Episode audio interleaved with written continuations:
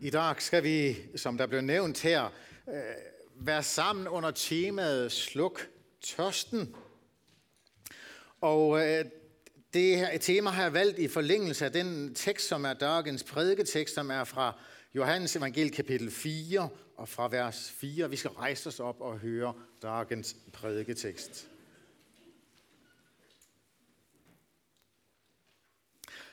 Han, og det er altså Jesus, måtte da rejse gennem Samaria. Han kom da til en by i Samaria, øh, som hedder Sykar. Den ligger i nærheden af det jordstykke, Jakob gav sin søn Josef. Der var Jakobs brønd. Jesus var træt efter vandringen og sat nu der ved brønden. Det var omkring den sjette time. Da kommer en kvinde fra Samaria for at drage op vand. Jesus siger til hende, giv mig at drikke. Disciplene hans var gået ind i byen for at købe mat. Den samaritanske kvinde siger til ham, hvordan kan du, som er jøde, bede mig, en samaritansk kvinde, om at få drikke? Jøder har nemlig ikke omgang med samaritanerne. Jesus svarte og sagde til hende, Kendte du Guds gave, og vidste du, hvem det er, som siger til dig, giv mig at drikke, så har du bedt ham, og han ville give dig levende vand. Kvinden siger til ham, Herre, du har ikke noget at drage op vand med, og brønden er dyb. Hvor har du da det levende vandet fra? Du er da vel ikke større end vor far Jakob, som gav os brønden og selv drak af den, og lige så hans sønner og bytskaben hans. Jesus svarede og sagde til hende, Hver den, som drikker af dette vandet, bliver tørst igen. Men den, som drikker af det vandet, jeg vil give ham, skal aldrig i evighed tørste. Men det vandet, jeg vil give ham, bliver i ham en kilde med vand, som vælger frem til evigt liv. Kvinden siger til ham, Herre, giv mig dette vandet, så jeg kan slippe for at tørste og gå hit for at drage op vand. Han siger til hende, gå og råb på manden din, og kom så hit. Kvinden svarte, jeg har ingen mand. Jesus sagde til hende, med rette sagde du, jeg har ingen mand. For du har haft fem mænd, og den du, har, du, du nu har, er ikke din mand. Der talte du sammen. Kvinden siger til ham, Herre, jeg ser, at du er en profet. Hvor fædre tilbar på dette fjellet, og dere siger, at Jerusalem er stedet, hvor en bør tilbe. Jesus siger til hende, tro mig, kvinde, den time kommer, at da der hverken skal tilbe faderen på dette fjeld eller i Jerusalem. Dere tilbeder det, dere ikke kender. Vi tilbærer det, vi kender, for frelsen kommer fra jødene. Men den time kommer, og er nu, da de sande tilbedere skal tilbe faderen i ånd og sandhed, for det er slike tilbedere, og faderen vil have. Gud er ånd, og de, som tilbærer ham, må tilbe i ånd og sandhed. Kvinden siger til ham, jeg ved, at Messias kommer, han som kaldes Kristus. Når han kommer, skal han forkynde os alt. Jesus siger til hende, jeg er det, jeg som taler med dig. Far i himlen, du som har givet os dit ord, det siger vi dig tak for. Vi beder dig nu om, at du vil komme til os og så slukke øh, tørsten hos os. Giv os at, at drikke af det levende vand. Giv os at hænde til den kilde, som er, kan være i vores liv. Amen.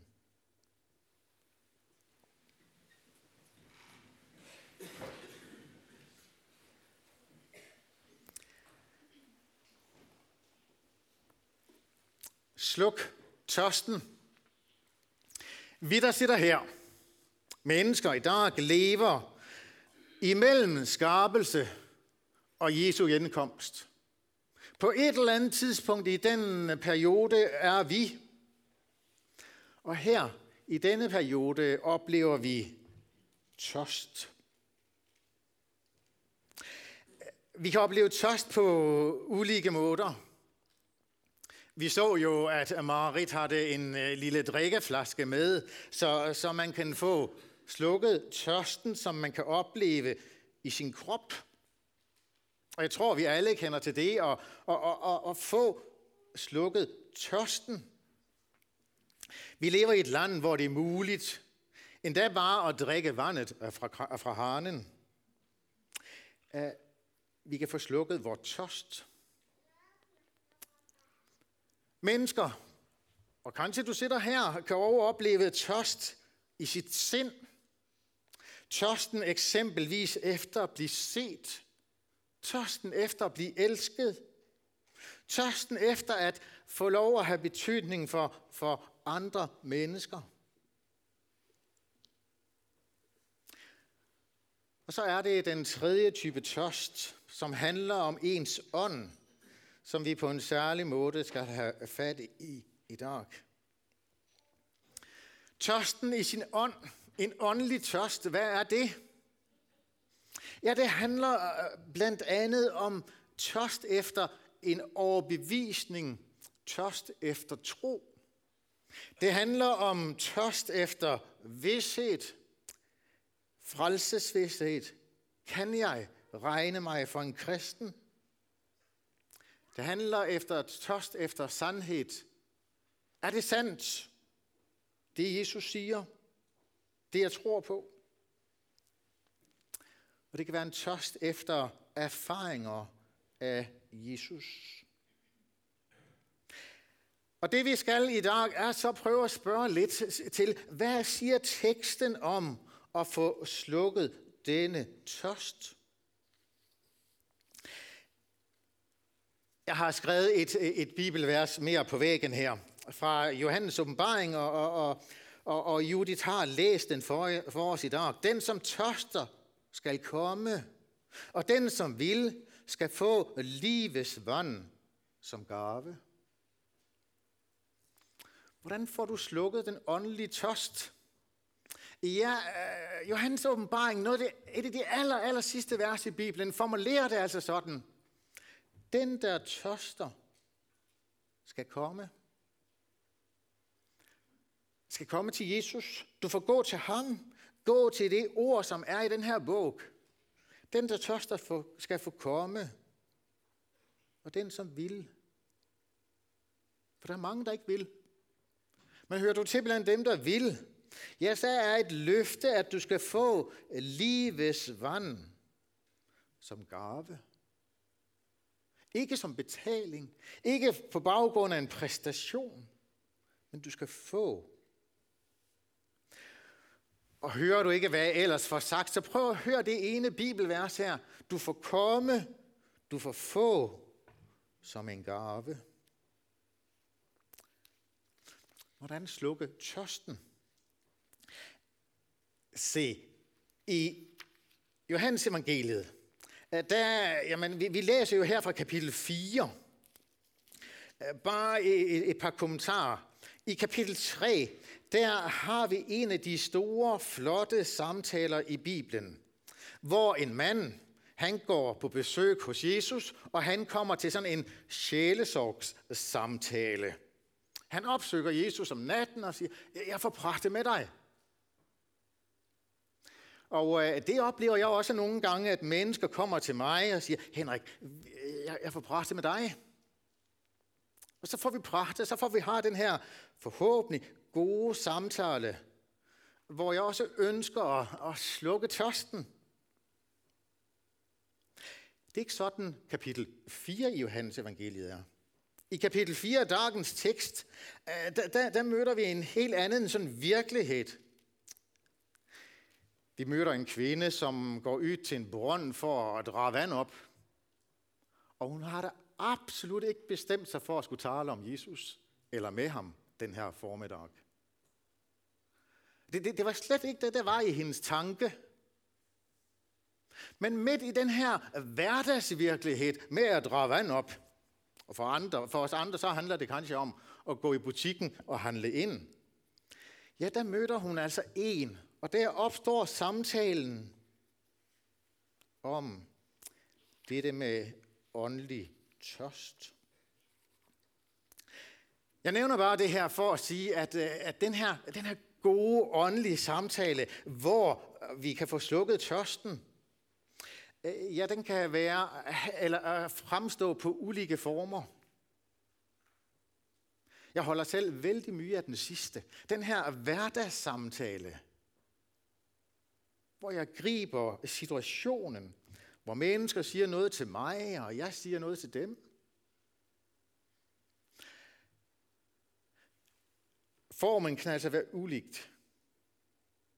Det, der til gengæld synes jeg er vigtigt at få fat i fra dagens tekst, det er, hvad er der indholdet? Hvad er indholdet i, i, i denne øh, samtale? Hvad er indholdet i det at få slukket tørsten? Ja, jeg påstår, at der i, i teksten er to spor med fire skinner.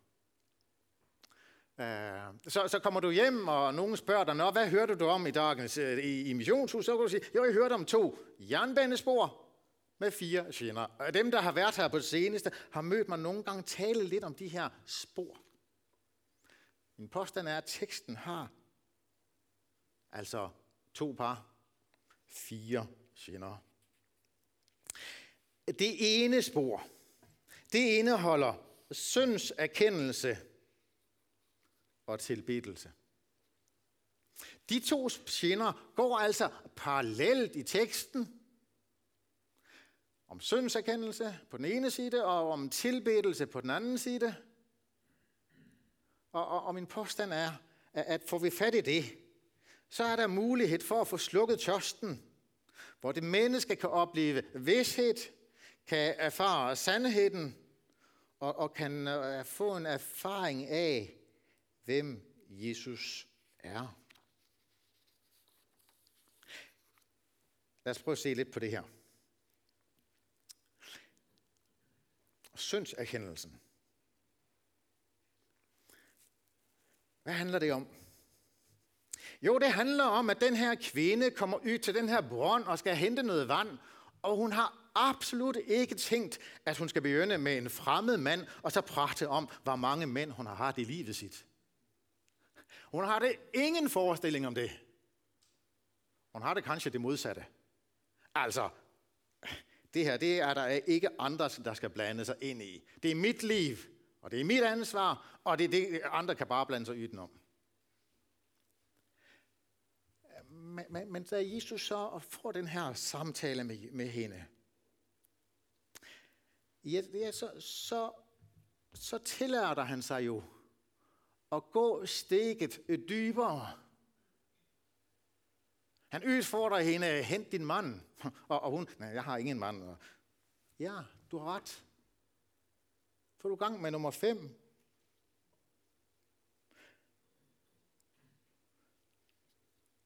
Jeg ved ikke, hvordan du har det. Jeg tror, at de fleste af os vil have det sådan lidt ubehageligt, hvis, at, øh, hvis vi skulle risikere det. Men det er det, Jesus gør.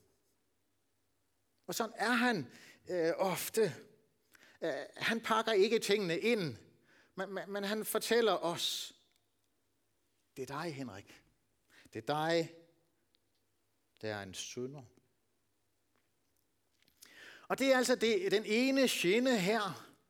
Øh, I det at, at få slukket tørsten, så indeholder den altså en virkelighed, hvor, hvor jeg må erkende, ja, det er mig. Det er faktisk mig, Henrik, der er sønder her.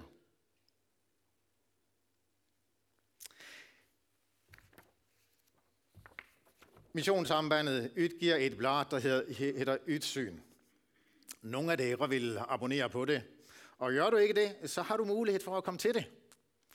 Øh, I sidste nummer, altså det første nummer i 2018, så er der en, der har sådan en, en liten artikel om, øh, Øh, ja, overskriften er Noget i luften. Det handler om hybelkaniner.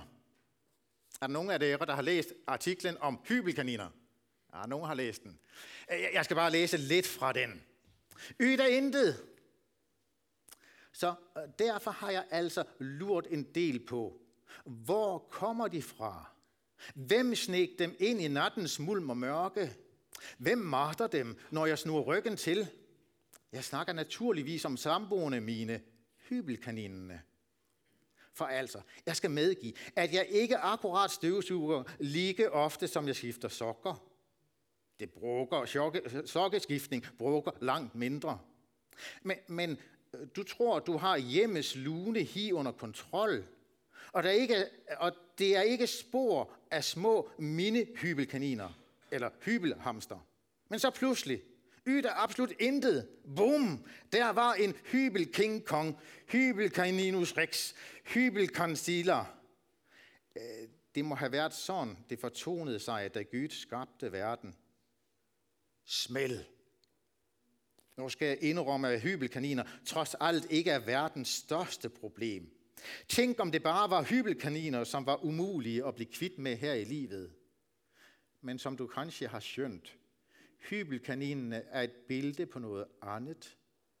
Desværre har vi alle en større fjende at kæmpe mod. En, som er lige slug som den slugeste hybelkanin. Du tror, du har kontrol, men så pludselig smelter det. En saftig søn kommer flygende gennem luften, og før du ved ordet af det, ligger du og karver i støvet. Det er forbløffende, hvor uanmeldt syndene kan komme. Darklige, øh, ja, øh, du kan selv læse den færdig. Hybelkaninerne, ja. Jeg tror, vi kender til dem. Jeg kender til dem i mit liv. Og det er altså det, den ene sjæne i den her virkelighed med at få slukket tørsten og vedgå sig hybelkaninene. Men et parallel sjæne til det, det er tilbedelse. Jeg googlede ordet og tilbe, og der kom nogle af de her ord frem, som jeg har skrevet på væggen her. Sang og hymne til Gud, tak og glæde over Jesus, og sætte Jesus først. Ja, det er tilbedelsens virkelighed. Øh, syndserkendelsens virkelighed, det, der har jeg ligesom fokus på mig selv og mit eget, og, og vedgår, yes, det er mit. I tilbedelsens virkelighed, der har jeg snudt mig væk fra mig selv. Og så har jeg haft fokus på, på, på Gud i himlen. Kan typisk være gennem sang. Det kan også være at sidde derhjemme og læse en sang, eller høre noget på anlægget. Gå en tur og have propperne i øret og, og høre noget fra mobilen. Og så få den her tilbedelse af Jesus. En tak og glæde over ham. Det er at sætte Jesus først. At han bliver omdrejningspunktet og det store i livet mit. Og får du fat i den virkelighed, ja, så er der noget med at få slukket tørsten. Når du får øh, fokus på Jesus og ham, der kan der være vidshed i ens liv. Der kan være en erfaring af sandhed i det, han gjorde. Og der kan blive en personlig erfaring i, hvor er han dog god. over for mig, som bærer alle disse hybelkaniner med mig. Øh, den erfaring, som øh, jeg har nævnt et bibelvers her fra, Jesaja, nej, fra Jesajas 17, nej, fra Jeremias 17. Læg mig, Herre, så jeg bliver lægt. Frels mig, så jeg bliver frelst. For du er min lovsang. Hvis du ikke helt ved, hvad du skal bede om i kveld, så kan du bede den her bøn. Læg mig, Herre, så jeg bliver lægt. Frels mig, så jeg bliver frelst. For du er min lovsang. Læg mærke til det her dybe fokus på, på Gud og det, han gør. Det er ham, der må gribe ind med lægedom og frelse. Ja, det handler om mit liv, ja. Men det handler om, at han gør det for mig.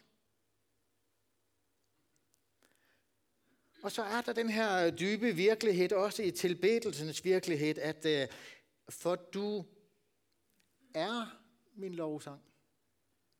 Det er ikke ligesom om, at min lovsang skal, skal, skal få, få, få Jesus ned til mig, men fordi han er det.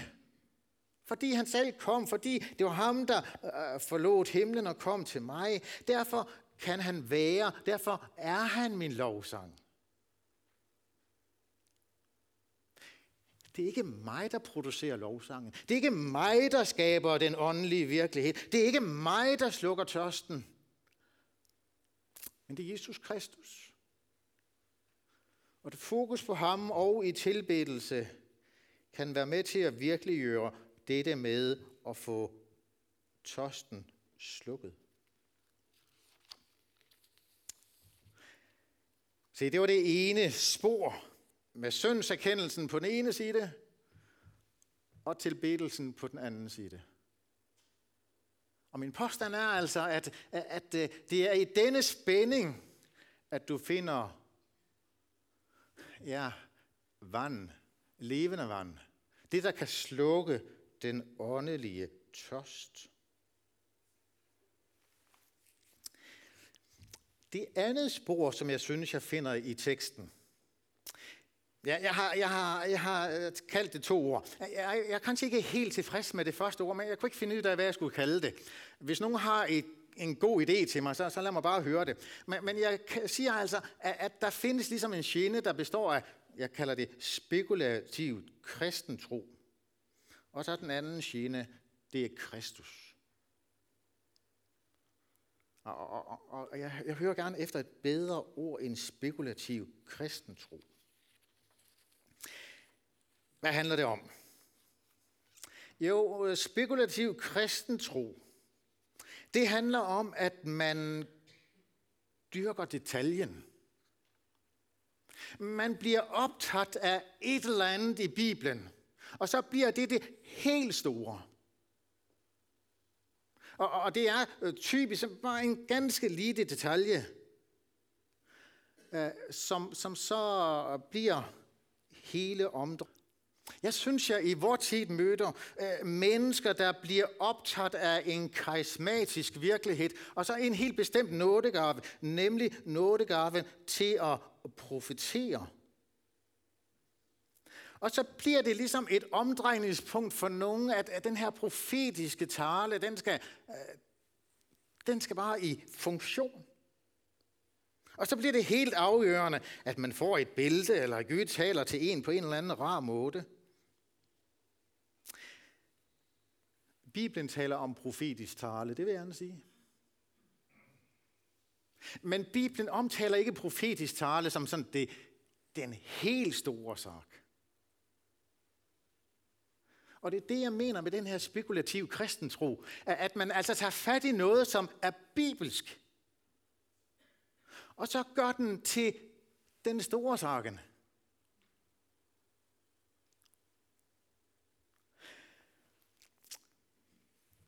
Et andet eksempel på, hvad, hvad, hvad det her det kan være, det er det, jeg skriver, at de vanskelige bibelvers. Der er nogen, der bliver vældig, vældig optaget af de vanskelige bibelvers. Og, og, og så går man i gang og finder sig en fortolkning af disse vanskelige bibelvers.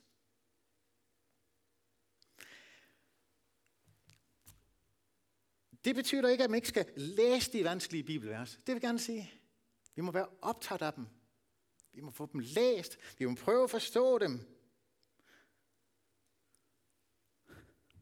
I teksten, så finder vi noget af det her i spørgsmålet om stedet for tilbedelse. For, for kvinden her, som, som tager det frem, det her med, jamen, altså, hvor er det, jeg skal tilbe? Øh, hun har altså hun har fat i noget. I 5. Mosebog kapitel 11, vers 29, så øh, får Israels folk at vide, at, at der skal være en velsignelse på det her fjellet øh, Garizim. Og det er altså rundt om fjellet Garizim, at samaritanerne bor. Det er der, de er. Og, og de har altså kunnet læse i det gamle testamente, at der er en velsignelse på det her fjeld. Og, og så var der et, et, et nabofjeld, som der ikke var velsignelse i, øh, øh men den lader vi lige ligge i dag. Men der var altså to fjeld, og de bliver så optaget af det ene bibelord om velsignelsen på Garissim. Øh, og, og så ved hun godt, fordi hun lever i en bestemt kultur, hun ved godt, at jøderne, de er vældig optaget af, at man skal tilbe i Jerusalem. Øh, i 5. Mosebog kapitel 12 er der et løfte om, at der skal, øh, Gud skal vælge et bestemt sted. Og, og så i 1. Mose, øh, 1. kongebog 9, så er der så en beskrivelse om, at da, da, øh, da templet er blevet bygget af Salomo, ja, ja, så, så lover Gud, at det er her, jeg vil være til stede. Og, og så begynder hun altså med denne, og det, det er sådan, kanskje ordet er lidt fejl, men den her spekulative kristentro, hvor man er vældig optaget af det ene bibelvers, eller vældig optaget af det andet bibelvers. Øhm, og hvor er det så, vi skal tilbe, siger hun.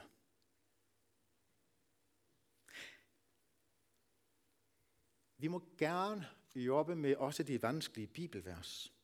Gør bare det. Men når det handler om at få slukket tørsten, om at finde vidshed, finde sandhed og opleve erfaring, øh, ja, så, så ser jeg mennesker omkring mig, som øh, faktisk i øjeblikket oplever noget af dette, at her bliver der slukket en tørst i diskussionen, om vi skal bede det ene sted eller det andet sted, eller, eller hvad diskussionen handler om. Men det, som jeg bemærker, det er, at nogle gange, så går disse tolkninger af de vanskelige bibelvers, de går lidt i stykker.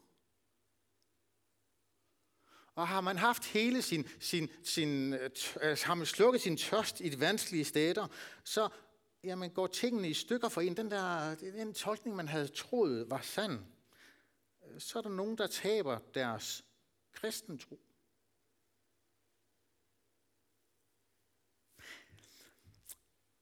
Som et parallelt spor til det, så er der i teksten øh, et tydeligt fokus på at være optaget af Kristus.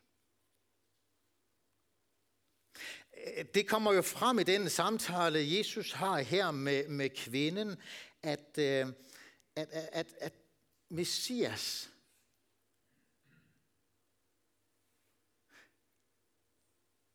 jeg er det, siger Jesus. Jeg, som taler med dig. Altså, når Messias kommer, siger kvinden, der skal han forkynde os alt. Ja, ja, ja, det siger han. Du må være optaget af mig.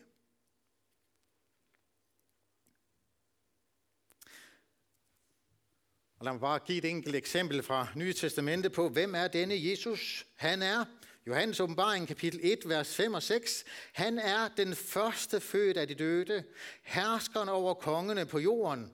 Han, som elsker os og løste os fra vores sønder med sit blod, og som gjorde os til et kongerige, til præster for Gud, sin far. Ham være æren og magten i al evighed. Amen. Der står vældig mange ting i det her vers om Jesus.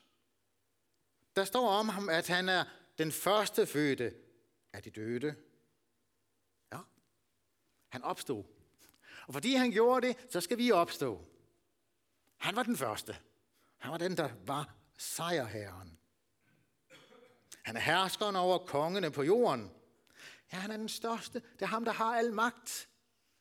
Uh, uafhængig hvad der møder os i vores liv, så kender vi ikke til kongernes konge, som har overblikket.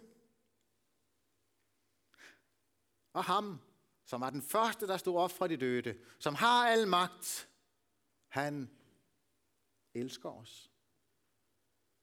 Ja, det er faktisk det, der står der. Han elsker os. Sådan, helt sådan, sådan umiddelbart, ubetingelsesløst. Han elsker dig og mig.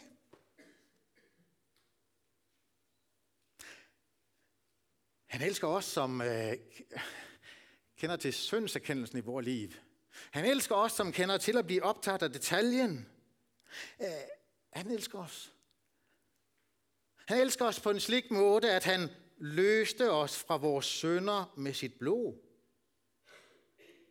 Ja, det gjorde han. Det var ham, der gjorde det. Han greb ind, og han gav sit liv. Han har givet dig alt.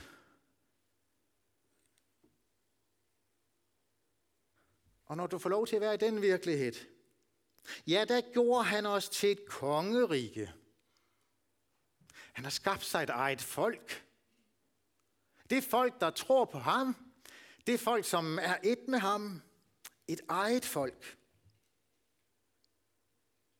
Ja, ikke bare et folk, men som det sjette, han gjorde dig og mig til præster og for sin far. Så du kan gå fra mødet i dag, og så hvis de spørger dig, Nå, hvad, hvad, hvad hørte du på søndagsmødet, så kan du sige, jeg har hørt, jeg var præst. For det får du bare ret ryggen at sige. Jamen dem der i missionssambandet siger, det ikke nej til kvindelige præster. Ja, her står alle er præster. Ja. Og så er det andet, det er en, det er en helt anden sak. Men, men, men fordi Jesus er, som han er, så var den første fødte, herskeren, den, der elsker mig og gav sit liv for mig, så han satte mig ind i en ny virkelighed. Et nyt folk. En virkelighed som præst, hvor jeg får gå direkte til Gud. For det er jo det, der ligger i det her med, at vi er præster for Gud. Øh, præster, de skal typisk ligesom være mellemmand mellem øh, menighed og guddommen. Men du har ikke behov for nogen mellemmand. Ham har det du, Jesus. Og han har givet dig en direkte adgang til Gud i himlen.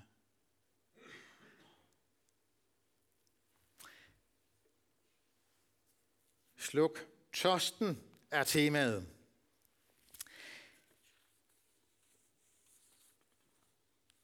Og øh, bibelteksten Johannes evangeliet kapitel 4 bruger altså disse udtryk med, at øh, øh, hente du Guds gave, ja, så fik du levende vand.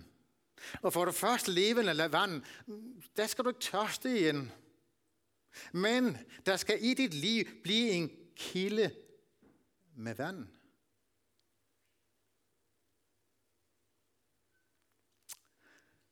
Og jeg tror, denne tekst altså fortæller os om disse to spor med hver deres parallelle skinner.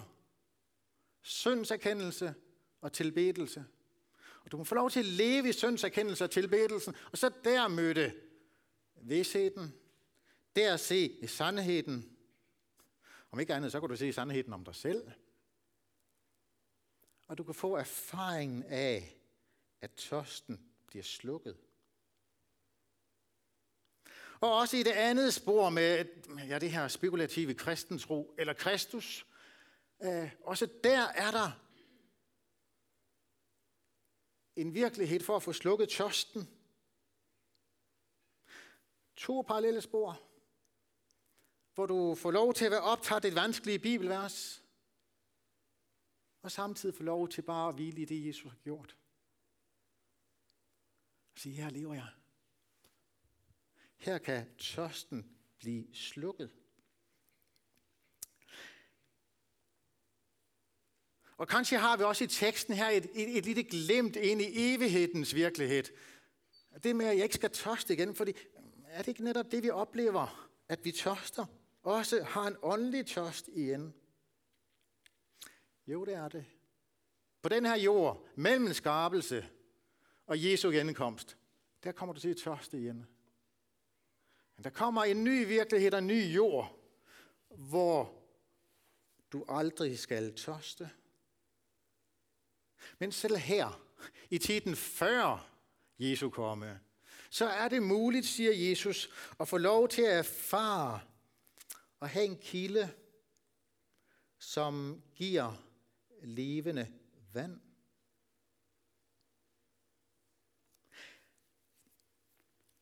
Og få lov til at have en virkelighed, som uafhængig hvorledes livet er, ja, der er det en kilde til et åndeligt liv med Jesus. Og det vil jeg gerne som et personligt vidnesbyrd også sige her, at øh, den virkelighed kender jeg. Jeg kender det i mit eget liv. En kilde med levende vand, som altså findes i disse spor med disse parallelle skinner. Der findes der altså en kilde med levende vand, som er der. I dagene, hvor livet har succes, og hvor tingene de blomstrer, og det er fantastisk, der er den kilde over i mit liv. Men den er der også de dagene, hvor det hele det er øv, og det går ikke, som det skal, og det, det er lidt trist. Også der er der en kilde med levende vand. En kilde, der findes i Kristus, og findes ud fra teksten i disse parallelle spor eller skinner. Og så begyndte, altså, øh, så, så begyndte vi med helt i begyndelsen af, af mødet og i begyndelsen af talen min, og nu skal vi have det i slutningen. Det er det bibelvers fra åbenbaringsbogen kapitel 22. Den som tørster skal komme, og den som vil skal få livets vand som gave. Det er invitationen til dig og mig i dag. At du skal få lov til at få denne åndelige virkelighed ind i dit liv.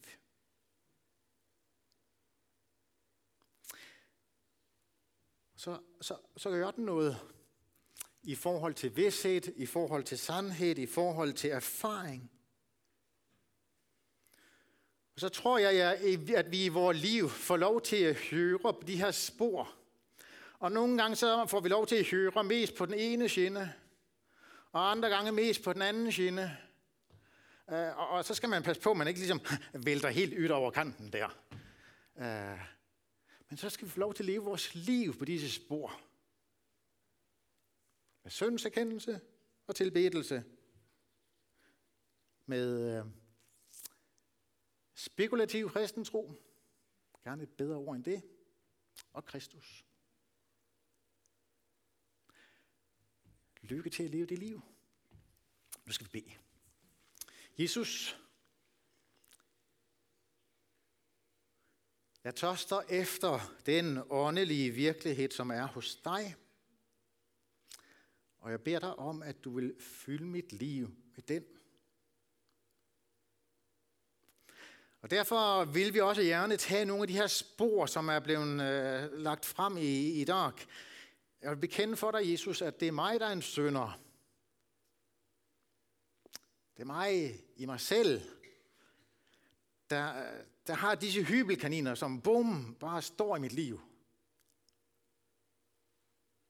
Men Jesus, jeg vil også gerne tilbe dig som frelser og herre.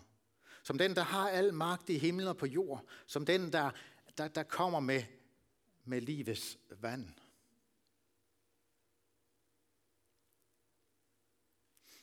Og Jesus, så vil jeg gerne sige dig tak for også de vanskelige bibelord. De ting, som vi kan spekulere over og ikke helt forstå. Og give os sammen og jobbe med dem og prøve at finde frem. Og give os samtidig at have et klart fokus på dig. På den du er. Jesus, jeg vil gerne sige tak, at du er den, der den, den første fødte af de døde. Du er den, der er kongernes konge. Men tak, at du elsker mig. Tak, at du gav dit liv for mig. Tak, at du har sat os ind i en helt ny virkelighed, som børn i dit rige, og med direkte adgang til dig. Så vil vi den her formiddag også gerne bede dig for vores udsendinger. Vi vil bede dig for dem, der er rejst. På en særlig måde har jeg lyst til i dag at bede dig for, for Turit og Hjartan og barnene deres. Velsign dem i månederne i Tanzania, og velsign det, som de står midt i. Velsign også de øvrige missionærer, vi har sendt afsted, og, og giv dem, og ja, også i dag, blive slukket, få slukket deres tørst efter dig. Vi beder dig for De børn, som er på søndagsskolen, både i Eldorado og i bibelklasser, beder også om, at de i dag må opleve at få slukket tørsten. Amen.